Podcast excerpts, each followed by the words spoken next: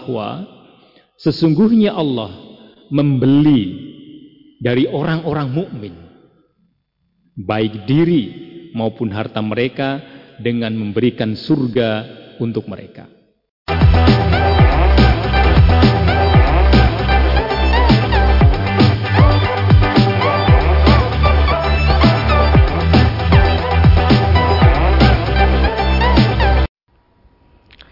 Bismillahirrahmanirrahim. Assalamualaikum warahmatullahi wabarakatuh. Saudara pemirsa channel terpilih MTA TV di mana pun Anda berada.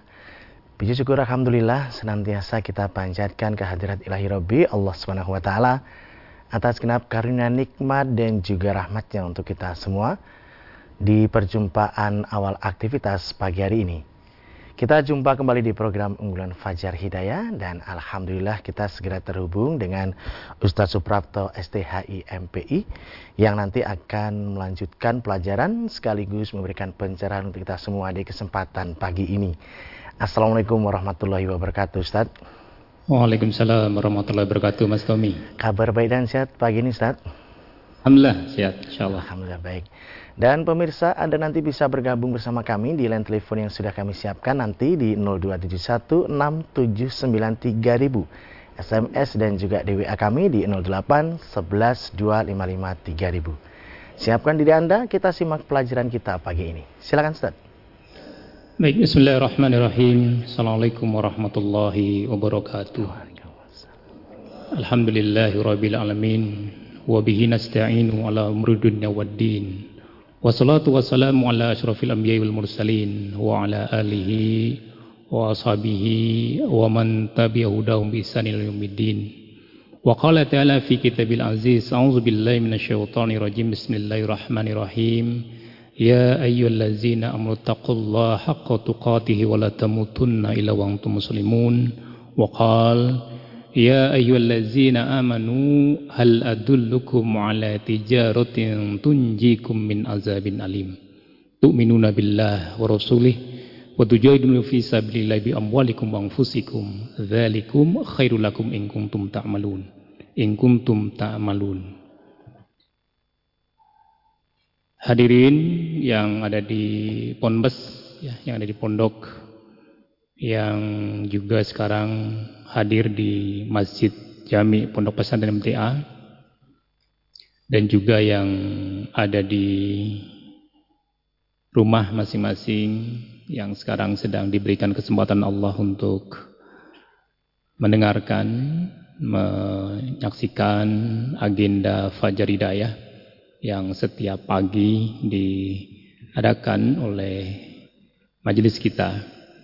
Kita bersyukur kepada Allah di pagi hari ini kita bisa bertemu kembali setiap pagi secara kebetulan bersama kami. Dan pagi ini sangat terasa istimewa karena kami juga dibersamai oleh asatid muda para guru-guru daerah muda yang hadir membersamai kami sehingga kami merasa sangat bahagia dan mudah-mudahan pada hari ini juga kita bisa belajar satu ayat, dua ayat untuk kembali meningkatkan keimanan kita. Karena setiap kali ayat sampai kepada kita sebenarnya lebih bagaimana kita bisa meninteraksikan interaksi diri kita dengan ayat itu yang kemudian kita tahu bahwa ketika ada kata-kata ungzur maqala itu yang kita lihat kan kemudian kebenaran itu, Al-Quran itu. Sehingga siapa pun yang menyampaikan di antara kita semuanya ketika kita disuruh melihat apa yang disampaikan adalah kalau yang disampaikan ayat-ayat, kalau yang disampaikan hadis-hadis Rasulullah sallallahu alaihi wasallam, maka pada hakikatnya kita mempercaya itu bahwa itu adalah dari Allah Subhanahu wa taala dan juga kalau hadis yang sahih maka itu adalah dari uh, Rasulullah sallallahu alaihi wasallam. Bapak Ibu yang ada di rumah dan juga yang ada di uh, mana pun berada karena sekarang dengan teknologi kita bisa menyaksikan, mendengarkan pesan nasihat agama yang disampaikan oleh para asatid kita. Mudah-mudahan senantiasa kita diberikan kesehatan Allah, eh, kesehatan oleh Allah Subhanahu wa taala. Baik, di pagi hari ini kami mencoba untuk mengingatkan kepada diri kita sebagai bentuk kabar gembira dari Allah. Apalagi ini di bulan Ramadan dan kegiatan-kegiatan di majelis luar biasa padat. Gelombang tetap berjalan. Kemudian untuk kegiatan Ramadan ada nafar yang kemudian menjadi agenda tahunan kita dan kita bersyukur di tahun ini kita bisa uh, bersama untuk melaksanakan secara offline. Walaupun masih terbatas di uh, antar cabang dalam satu perwakilan. Kecuali beberapa daerah yang memang antar perwakilan. Kita mengetahui bahwa apa pun sebenarnya yang kita lakukan di dunia ini sebagai ladang ya, sebagai bentuk kita mencoba mengaktualisasikan bahwa tujuan hidup kita untuk ibadah itu kemudian kita e, lakukan dengan banyak hal. Kalau mungkin orang-orang yang kita lihat yang paling mudah lah, dia itu beruntung, dia itu mempunyai kesuksesan yang besar.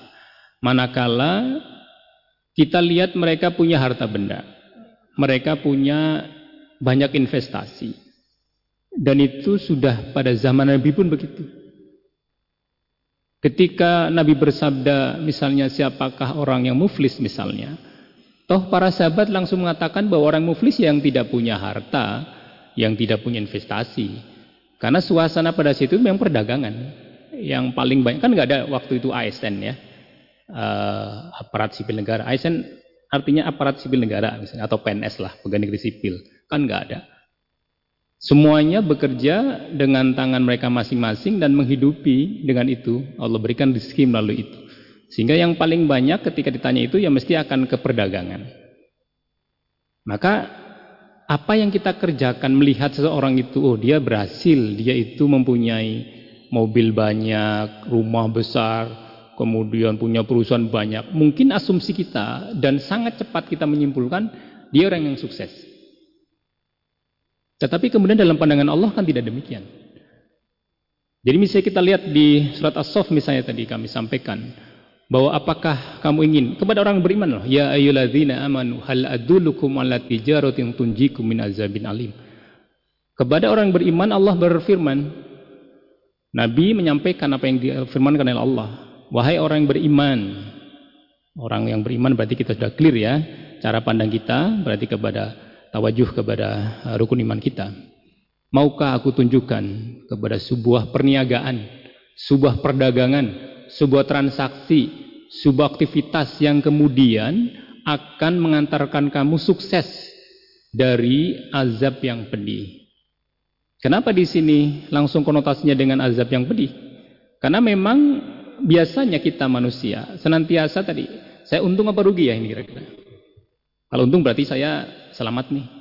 Kalau enggak untung berarti saya celaka. Maka kalau kamu misalnya biar kamu senantiasa untung itu, mau enggak aku Allah tunjukkan perniagaan itu. Yang kemudian kita bisa selamat dari uh, azab yang pedih. Tu'minuna billah. Berimanlah kepada Allah. Dan insya Allah karena ya yulina amanu tentu sudah beriman. Tetapi berimanlah kepada Allah. Menyangatkan kembali mengingatkan kembali kepada kita apakah keimanan kita ini betul-betul telah teruji dari hari ke hari dengan berbagai macam bentuk ujiannya. Warusulih dan juga kepada Rasulnya. Kita tentu sudah sama-sama mengucapkan dua kalimat syahadat yang kemudian di dalamnya termasuk kepada Rasulullah SAW Muhammad itu sebagai utusan Allah. Dan kita yakin itu. Maka apa pun yang kemudian datang dari lisan beliau itu sebagai sumber hukum kita kita mengimaninya, kita melaksanakannya karena beliau sebagai utusan Allah. Kita bisa membayangkan seluruh manusia itu hanya ada satu orang yang dipilih di akhir zaman ini yaitu Muhammad bin Abdullah sebagai Rasulullah. Allah tidak pernah menyebut nabi itu Muhammad, tapi mesti ya ayuhan nabi. Kepada Musa, kepada Ibrahim semuanya dengan nama. Isa dengan nama. Tetapi dengan Muhammad itu dengan nabi. Betapa agungnya Nabi kita Muhammad sallallahu alaihi wasallam. Maka iman kita dengan menjalankan sunnah-sunnahnya itu menjadi preferensi, menjadi satu bentuk gambaran yang nyata kalau kita juga beriman kepada Nabi setelah kepada Allah Subhanahu wa taala. Wa tujahiduna fi sabilillah. Dan berjihadlah kalian semuanya di jalan Allah. Dalam konteks ini karena di, di as ya, itu memang kaitannya dengan peperangan karena waktu itu tentu jihad untuk menegakkan kalimat Allah karena kita diserang, karena kita ditekan, di mana kemudian kita masih minoritas, itu ditekan oleh orang kafir, ditekan oleh orang-orang yang kemudian senantiasa mengagungkan kepercayaan mereka, maka kemudian jihad fisabilillah itu betul-betul digalakkan, betul-betul disemangati kembali oleh Rasulullah melalui firman-firmannya. Bi amwalikum wa anfusikum dengan harta dan jiwa. Cuman kemudian ketika dari sekarang gimana? Kalau kita sekarang apa kita mau perang? Tentu ada satu hal yang kemudian ibroh yang kita dapat dari Nabi kita Muhammad SAW ketika habis sebuah perang besar. Kemudian kita memiliki kemenangan besar. Kemudian para sahabat sudah mengatakan kita sudah menang dari peperangan yang besar. Tapi Nabi senantiasa eh, menyampaikan belum. Karena peperangan besar sebenarnya adalah bagaimana kita melawan hawa nafsu kita. Artinya memang ke depan ini hal-hal sifatnya perang yang agama ya, perang agama, murni agama, itu menjadi sangat kecil. Lebih ke arah politik, ekonomi dan dan hal-hal lain yang artinya uh, ada tujuan-tujuan lain selain agama.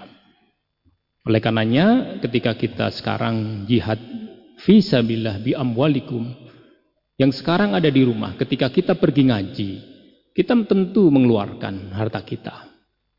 Paling tidak dengan bensin atau solar kita, BBM kita.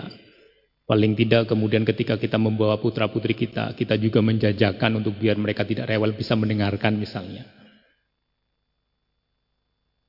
Dengan anfus, kita mungkin jelas, clear, kita keluar dari rumah kita. Kita tidak tahu ketika kita keluar kita kecelakaan misalnya. Kalau kita sedang bepergian, sedang uh, menuntut ilmu ini kemudian kita terjadi hal yang tidak kita inginkan, itu adalah satu bentuk bahwa apa pun yang kemudian ternyata kita lakukan, insya Allah sudah dalam koridor visabilillah. Apalagi yang sekarang di 197 lebih cabang ada 3.363 lebih yang sekarang sedang telah mabit ya dari malam telah bermalam kemudian akan menjalankan sampai nanti hari Ahad, itu betul-betul anfusnya sudah jalan, anwalnya sudah jalan.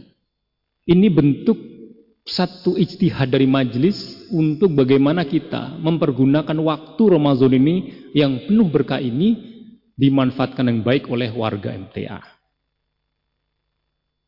Tidak mudah menggerakkan hati kita, hati manusia kalau bukan karena Quran. Kita terdidik bagaimana ketika jihad yang sebenar-benarnya dengan nanti misalnya di surat At-Taubah misalnya 111 ya. Betul-betul yuqatiluna fisabillah, berperang di jalan Allah. Kita bisa membunuh atau kita bisa terbunuh. Wa yaqtuluna wa yuqtalun. Bisa kita membunuh musuh atau kita terbunuh oleh musuh. Itu belum seperti itu.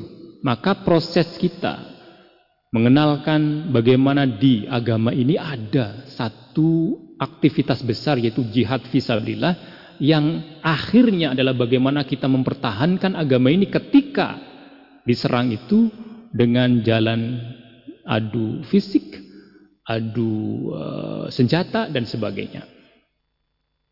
Maka ketika kita berjalan dalam jalan Allah keluar fisabilillah ini harus betul-betul kita rasakan ini adalah satu nikmat yang Allah berikan kepada kita. Maka di sana disampaikan zalikum khairulakum in kuntum ta lamun. Kalau kamu mengerti saja. Kata-kata mengerti apa? Kita itu mengerti karena kita beriman. Janji-janji Allah itu kita yakin karena kita beriman. Kalau orang yang tidak beriman melihat aktivitas seperti kita ini ya oh yuk gelem-gelemnya gitu. Mau-maunya ngaji tiap minggu, tiap pekan itu bisa minimal dua kali. Oh ya mau-maunya men, digendam oleh Waktu itu saya dengan digendam oleh Pak Kino itu. Gitu. Jadi itu yang kemudian luar biasa sampai kepada kita. Sehingga apakah kemudian kita merasa tergendam gitu oleh ucapan-ucapan beliau? Kan tidak. Tapi karena Al-Quran yang kemudian dibacakan kepada kita itulah yang kemudian memberikan rasa iman kepada kita. Sehingga kita e, aktivitaskan dalam kegiatan kita, kita aktualisasikan dalam kegiatan kita untuk apa-apa yang Allah perintahkan kepada kita. Maka Bapak Ibu, saudara semua yang ada di uh, rumah masing-masing, kemudian juga asatid semuanya, ustadz-ustadz muda ini, ini anugerah yang Allah berikan kepada kita. Dan sebagai uh, penutup di sesi pertama, kita lihat ketika tadi kami sampaikan bahwa ternyata Allah itu ketika memberikan satu satu pernyataannya, satu firmannya yang luar biasa itu Tinggal hati kita itu bisa nggak kemudian mengolah sedemikian rupa Allah sayangnya kepada kita. Membeli, kita tahu ya membeli itu.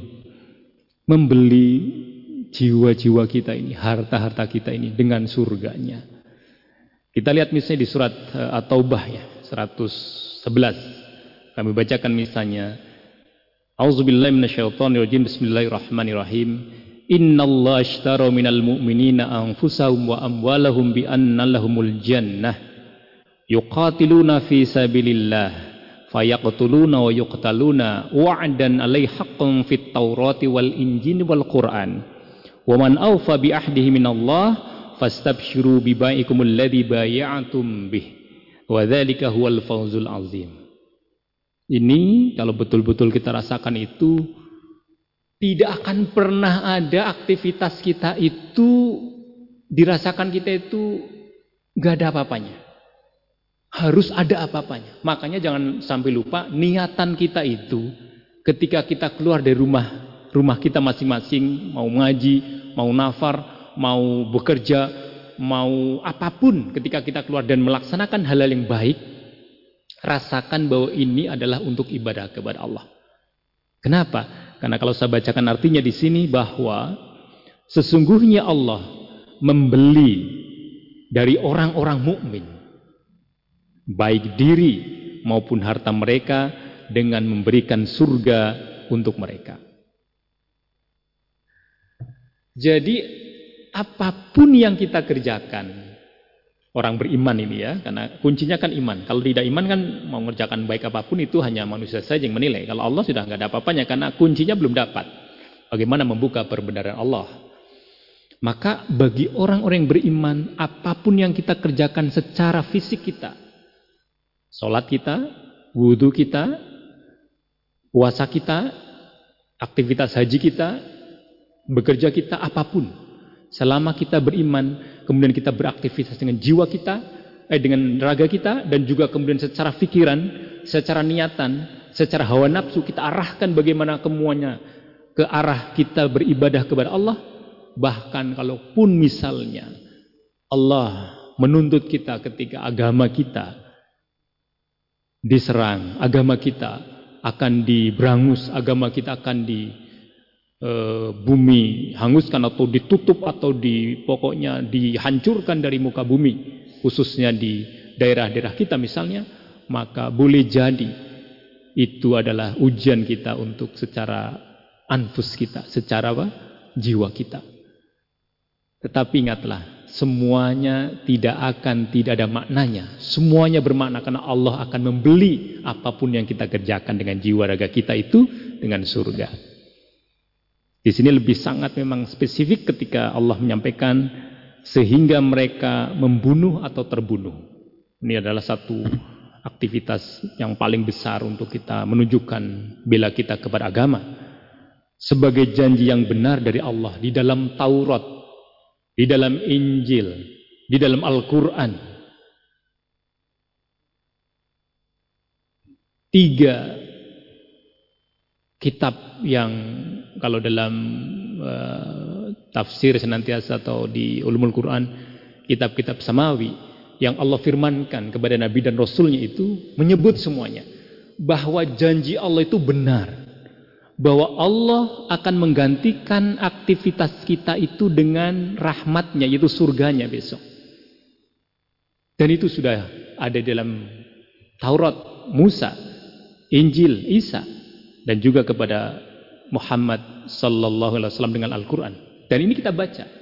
Ayat ini sebagai bentuk bahwa Allah juga menjanjikan ini dalam Al-Qur'an. Maka di sini disampaikan dan siapakah yang lebih benar, lebih menepati janjinya selain Allah? Maka bergembiralah dengan jual beli yang telah kamu lakukan itu dan demikian itu adalah kemenangan yang besar. Tadi kami sampaikan bahwa semua pandangan kita senantiasa untung atau rugi.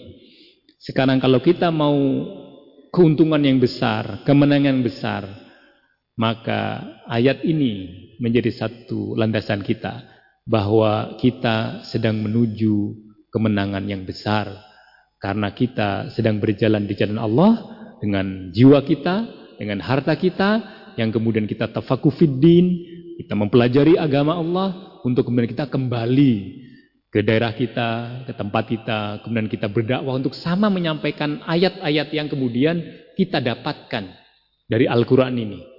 Kita sampaikan hadis-hadis yang kita dapat dari kitab-kitab hadis yang kemudian sampai kepada kita. Yang sudah terbrosurkan, yang sudah terbukukan, yang sampai kepada kita. Kalau kita merasakan ini, maka sekali lagi tidak ada aktivitas kita yang kemudian kesannya biasa-biasa saja.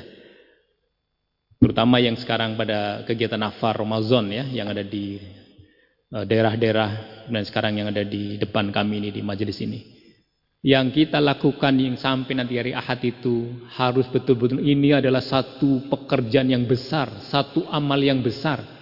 Bukan main-main. Bukan hanya dari rumah kemudian ke sini sama dengan ketika kita ada studi banding, kita ada tour, kita ada tugas kantor begitu saja. Tetapi ada hal lebih bahwa kita sedang fisabilillah lebih sangat spesifik lagi di bulan Ramadan, spesifiknya lagi kita tafakufidin ingin mendapatkan bagaimana agama mengajarkan kepada kita melalui Al-Quran dan Sunnah. Ini yang kemudian bisa kami sampaikan uh, Bapak Ibu Saudara yang ada di rumah, pemirsa NTA TV dan semua yang ikut meneruskan siaran ini dan juga khususnya yang ada di uh, pondok pesantren ini betul-betul bergembiralah karena Allah bergembiralah dengan jual beli yang telah kamu lakukan, yang telah kita lakukan. Bergembiralah. Jangan sampai ada rasa yang kemudian kita masih tergadai. Waktu kita di sini 24 jam, tapi kemudian hati kita di sini mungkin hanya ketika sholat, ketika kita ada di masjid. Tapi kita sedang belajar, hadirkan hati kita. Kita sedang beraktivitas apa nanti yang dilakukan, yang kemudian sudah dijadwalkan, hadirkan hati kita. Karena langkah kita, tetesan keringat kita, insya Allah menjadi pemberat-pemberat kita di mizan. Semua yang kita kerjakan dengan niatan yang saleh, niatan yang bersih, niatan yang safin, karena kita beriman kepada Allah dan ini tidak melanggar aturan Allah dan Rasulnya, maka ini amal saleh. Kita niat sudah benar karena Allah Subhanahu Wa Taala dan kita sudah baik karena sesuai dengan aturan Allah dan Rasulnya. Mudah-mudahan yang sedikit ini 30 menit kurang ya bisa bermanfaat untuk kita dan mungkin ada hal-hal nanti dari uh, pendengar maupun pemirsa yang menyaksikan ini ada hal yang perlu ditanyakan terkait dengan materi atau mungkin ada hal lain yang nanti disampaikan oleh uh, yang ada di pondok boleh jadi bisa kita akomodir di beberapa menit ke depan. Demikian, mudah-mudahan bisa bermanfaat apa yang kami sampaikan mengingatkan kepada kita semuanya untuk senantiasa bergembira dengan apa yang kita lakukan karena sebagai bentuk jual beli yang Allah berikan kepada kita dan Allah membeli harta dan jiwa kita dengan surganya. Mudah-mudahan kita termasuk orang-orang diridhoi Allah Subhanahu wa taala. Ya. Baik pemirsa, kami harapkan Anda bisa bergabung bersama kami di line telepon 02716793000 SMS dan juga di WA kami di 08 11 255 3000. Namun sebelumnya kita akan simak beberapa informasi dalam rangkaian jeda pariwara berikut ini. Baik, saudaraku pemirsa channel terpilih MTA TV di mana pun Anda berada, terima kasih Anda masih setia bersama kami, khususnya di program unggulan Fajar Hidayah di kesempatan pagi ini. Kami persilakan yang pertama di line telepon 6793000 untuk bisa bergabung. Halo, Assalamualaikum. Halo, Assalamualaikum. Waalaikumsalam warahmatullahi wabarakatuh. Ya, dengan siapa di mana Bapak? Iya, uh, saya dari Ari di Selogiri. Silakan Bapak Ari di Selogiri. Ah, gini, ini yang saya mau tanyakan Ustaz. Uh, kita sholat tahajud ke witir itu harus diputus dulu atau langsung saja uh, dari 8 ke uh, menuju 11 itu. Uh, jadi nggak perlu dari 8 ke 11 itu zikir dulu atau langsung atau diputus. Ustaz. Itu yang pertama. Yang kedua, uh, setelah selesai sholat witir bacaan kita uh, subhanallah subhanallah atau subhana saja apa subhanallah malikil kudus atau subhana malikil kudus itu saja. Kita terima kasih Baik, Waalaikumsalam warahmatullahi wabarakatuh. Baik Ustadz yang pertama dari sholat tahajud yang 8 rakaat ke witir yang 3 rakaat sehingga 11 itu langsung atau ada diputus Ustaz? Saya kurang dengar ini, coba. Ya. Gimana Pak Tommy? Ya. Pertanyaan pertama, dari sholat tahajud yang 8 rakaat ke witir 3 rakaat sehingga 11 kesemuanya itu dilangsungkan atau diputus terlebih dahulu? 8 ketiganya. Sholat tahajud? Ya, sholat tahajud ke witir itu langsung atau diputus? Oh gitu, nggak masalah. Jadi mau diputus dengan witir, mau langsung itu nggak masalah. Jadi prinsipnya untuk kita sholat malam ya, qiyamul lail, ngepasin yang terawih karena kita memang uh, ada istilah tersendiri ketika kita di bulan Ramadan tapi itu kan sebenarnya qiyamul lail. Itu mau sholat dulu yang dua, dua, dua semampu kita. Kemudian kita witir dengan tiga, witir dengan satu. Dan terpisah atau tersambung. Itu tidak mengapa. Jadi kata-kata tidak mengapa karena Rasul hanya memberikan informasi kepada kita. Sekuat yang kita mampu bisa, kemudian witir, ganjil. Demikian Mas Tommy. Ya. Kemudian tadi yang kedua, setelah witir itu bacaannya subhanallah malikil kudus atau subhana malikil kudus. Uh, itu ketika kepada Aisyah ya Nabi ketika pada saat uh, kamu melihat untuk di bulan Ramadan ada hal yang kita tahu di banyak masyarakat kita men mengharapkan adanya Lailatul Qadar. Tapi kemudian kita misalnya habis sholat witir, kita membaca doa yang kita mau, karena kita pada prinsipnya setelah itu bersolah kita berdoa, itu silakan saja. Demikian Mas Tommy. Ya. Dari WA dilanjutkan Ustadz, saudara kita yang ada di Wonogiri menanyakan, kalau suami istri berciuman di bulan Ramadan, kemudian suami mengeluarkan air mani, yang demikian bagaimana puasanya Ustadz? Batal atau tidak? Demikian. Suami istri tentu ya, karena kita bicara suami istri. Kalau suami istri kemudian saling berciuman atau mencium kata-kata ber, saling berciuman berarti ini ada satu hal yang harus kita hindari sebenarnya. Dan kalau kita mencium kemudian uh, apa namanya karena seksual kita meningkat kemudian keluar air mani misalnya, itu sangat dimakruhkan dalam agama. Para ulama menyampaikan itu karena yang kemudian masuk kategori dilarang itulah ketika kita berjima. Tapi ketika kita mencium kemudian karena ada e, hasrat yang berlebih kemudian keluar air mani itu tidak membatalkan, tetapi dihindari. Makanya kalau kita kan tahu puasa itu pada hakikatnya menahan hawa nafsu kita, termasuk bagaimana kita ke arah aktivitas seksual itu. Sehingga jangan sampai kita memancing-mancing diri Oleh karenanya kita sekali lagi dengan berpuasa harusnya bisa lebih mampu mengendalikan diri. Jangan sampai kemudian kita beraktivitas yang menimbulkan uh, syahwat kita. Dan itu gimana untuk uh, bentuk menahan diri kita kepada istri kita di siang hari. Tahanlah sampai nanti di malam hari. Allah juga mengetahui hasrat kita. Sehingga kita uh, silakan nanti pada malam hari. Kecuali yang ada di sini. Kita bertahan luar biasa dengan puasa yang nafar ya empat hari nah, itu ditahan. Insya Allah kita lebih selamat ya.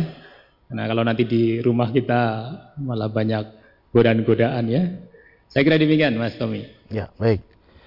Pertanyaan berikutnya masih di WA dari Ibu Siti di Karanganyar. Mohon Ustadz dijelaskan terkait surat yang menyatakan tentang yang pertama bahwa perintah puasa itu hanya untuk orang yang beriman.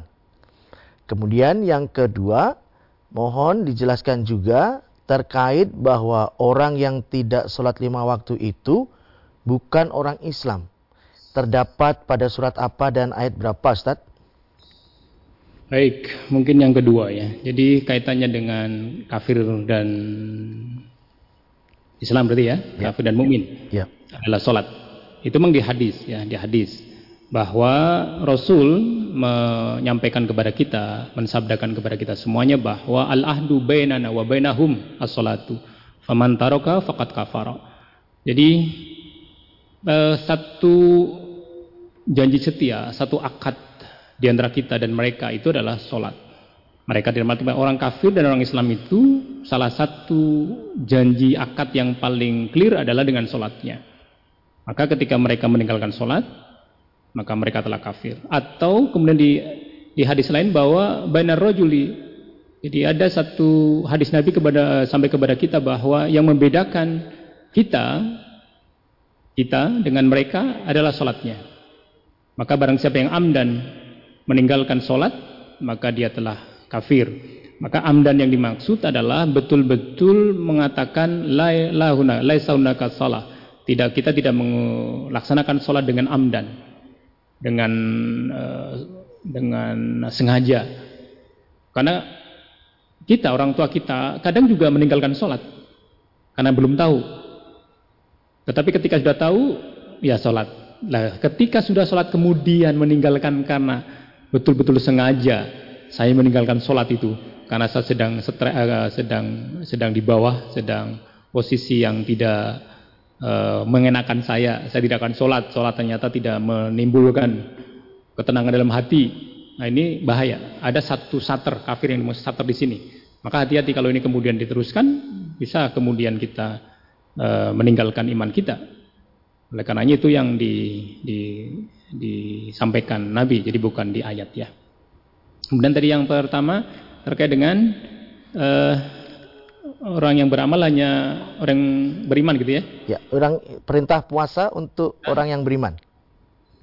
Oh, oh hanya untuk orang beriman. Ya.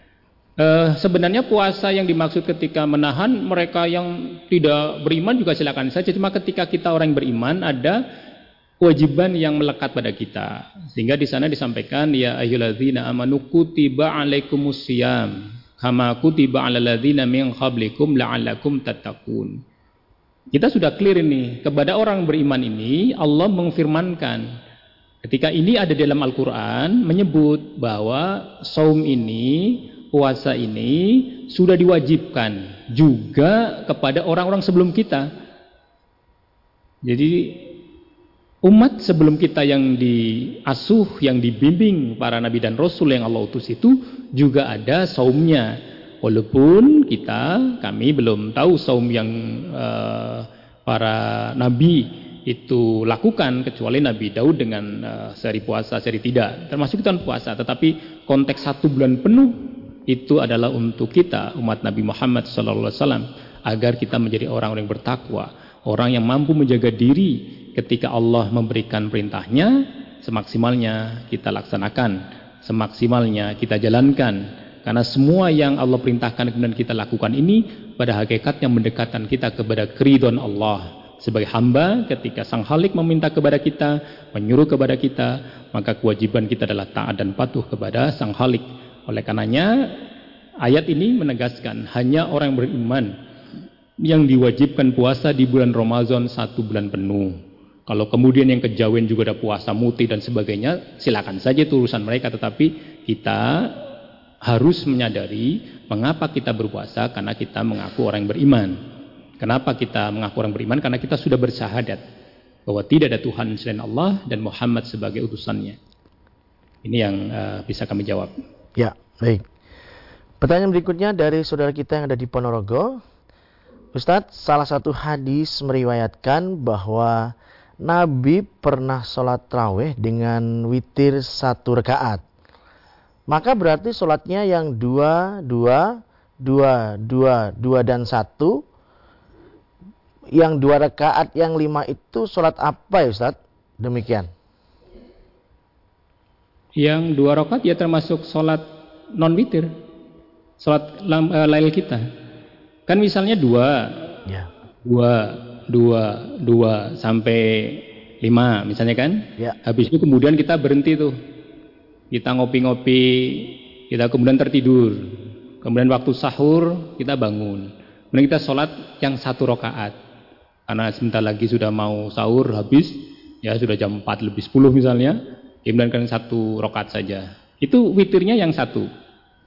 Jadi yang lima ini, lima kali dua, sepuluh, itu tetap sebagai dua-dua masna-masna yang dimaksud Nabi dengan sholat malam itu. Jadi bukan kemudian, oh berarti ini delapan, dua-dua-dua gitu, padahal dua-dua ya. Kemudian yang dua, witir nih di, dipisah misalnya.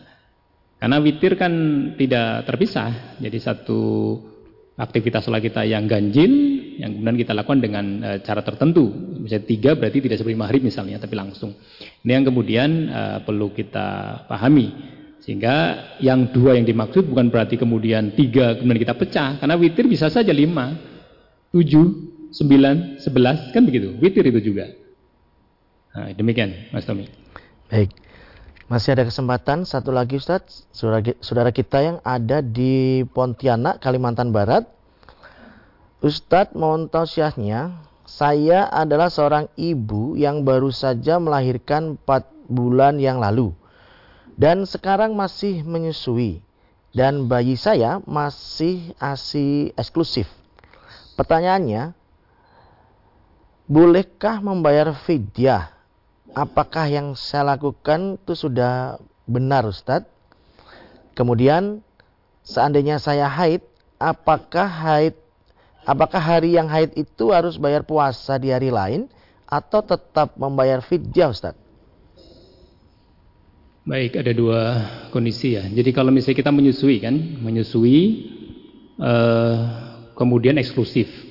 Kalau menyusuinya itu tidak menimbulkan berat, ya itu ya tidak mesti harus fidyah.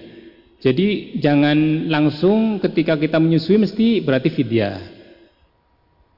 Kan demikian. Kalau fidyah itu karena kaitannya dengan yutiqunahu yang memberatkannya. Sehingga ketika berat kita bisa bayar fidyah selama kita menyusui itu. Kemudian tadi ada clear dulu nih ya. Jadi ya. kita fidyah itu tidak serta merta menyusui berarti fidyah, tidak demikian. Kalau menyusui kemudian dia nyaman ya nggak apa-apa. Yang kedua kaitannya dengan kemudian datang haid ya. Ya. Datang haid. Itu kalau sudah sedang menyusui bisa datang haid ya? Bisa ya? Bapak kok bisa tanya bisa ya? Apa sudah pernah? ya yang lebih dulu sedang menyusuinya. Dia akan menyusui terus sebelum uh, sebelum ini, sebelum haidnya datang. Sehingga ya karena kan misalnya kita haid berarti kan nyusui dulu kemudian haid. Haidnya ini adalah sebagai pembatas kalau dia puasa tidak puasa. Nah, maka di sini bisa mengganti di hari lain. Karena dia haidnya kan ada satu batas hukum tersendiri, haid. Tidak boleh uh, berpuasa. Tapi ketika menyusui kita belum tentu kuat tok. Tapi karena itu ah, anu aja, fidyah aja, agak begitu.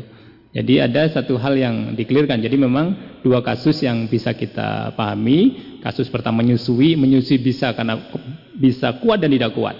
Tetapi kalau haid tentu sudah clear, itu tidak boleh kita berpuasa sehingga mengganti di hari lain. Demikian Mas Tommy. Ya. Baik Ustaz, sekiranya sudah di penghujung perjumpaan, ada yang bisa disampaikan sebagai nasihat? Silakan Ustaz. Baik, eh, Bapak Ibu, saudara semuanya dan asatid yang ada di pondok ini, yang peserta nafar juga yang boleh jadi di cabangnya di juga di setelkan atau di onkan uh, Fajrida ini. Kita bersyukur kepada Allah bahwa dengan mengaji ini kita tahu janji-janji Allah, ancaman-ancaman Allah. Maka hari ini kami menggembirakan dulu bahwa apa yang kita kerjakan, seluruh aktivitas kita sebagai orang beriman ini ternyata Allah sudah membelinya dengan surganya. Maka jangan sampai ada rasa merasa nggak ada apa-apa, biasa aja. Nafar biasa aja, enggak. Nafar menjadi sangat luar biasa ketika makna itu luar biasa. Kenapa? Karena kita sudah keluar dari rumah kita. Tujuan kita bagaimana Allah ridho pada kita. Kita berbuat kebaikan, berbuat yang saleh, menuntut ilmu di bulan Ramadan, kita puasa, kita bersama dengan para saudara-saudara kita yang lain. Menegakkan kiamulail bersama, tadarus bersama, belajar bersama. Maka mudah-mudahan waktu kita, jiwa kita, harta kita yang kita keluarkan Allah membelinya dengan pahala yang besar, dengan ganti yang besar, yaitu surga. Dan tidak ada cita-cita lain kita selain kemenangan yang besar yang dimaksud adalah kita mendapatkan rahmat dari Allah, mendapatkan surga, mendapatkan kenikmatan yang tidak ada mata kita melihat, telinga kita mendengar, hati kita merasakan kenikmatan di surga itu. Dan itu hal yang senantiasa kita mintakan kepada Allah. Kita besok bersama keluarga kita dikumpulkan dalam surganya. Kami kira ini yang bisa kami sampaikan, mudah-mudahan bisa bermanfaat. Dan sekali lagi di bulan Ramadan ini, kita perbanyak amal-amal baik kita, kita perbanyak kembali kiroah kita, kita perbanyak kembali mutolah kita terhadap Quran kita, mempelajari ulang Quran yang sudah kita baca, yang sudah kita hafal, sehingga akan lebih menguatkan iman kita. Terima kasih, mudah-mudahan bermanfaat. Assalamualaikum warahmatullahi wabarakatuh. Waalaikumsalam warahmatullahi wabarakatuh. Kami sampaikan terima kasih atas pelajarannya Ustaz. Baik, saudaraku pemirsa channel terpilih MTA TV di mana pun Anda berada, demikian tadi telah kita simak dan ikuti bersama program unggulan Fajar Hidayah di kesempatan kali ini. Dan saya Tommy Al-Fatoni pamit undur. Alhamdulillah di alamin. Subhanakallahumma wa bihamdika. Asyhadu alla ilaha anta astaghfiruka wa atubu Assalamualaikum warahmatullahi wabarakatuh.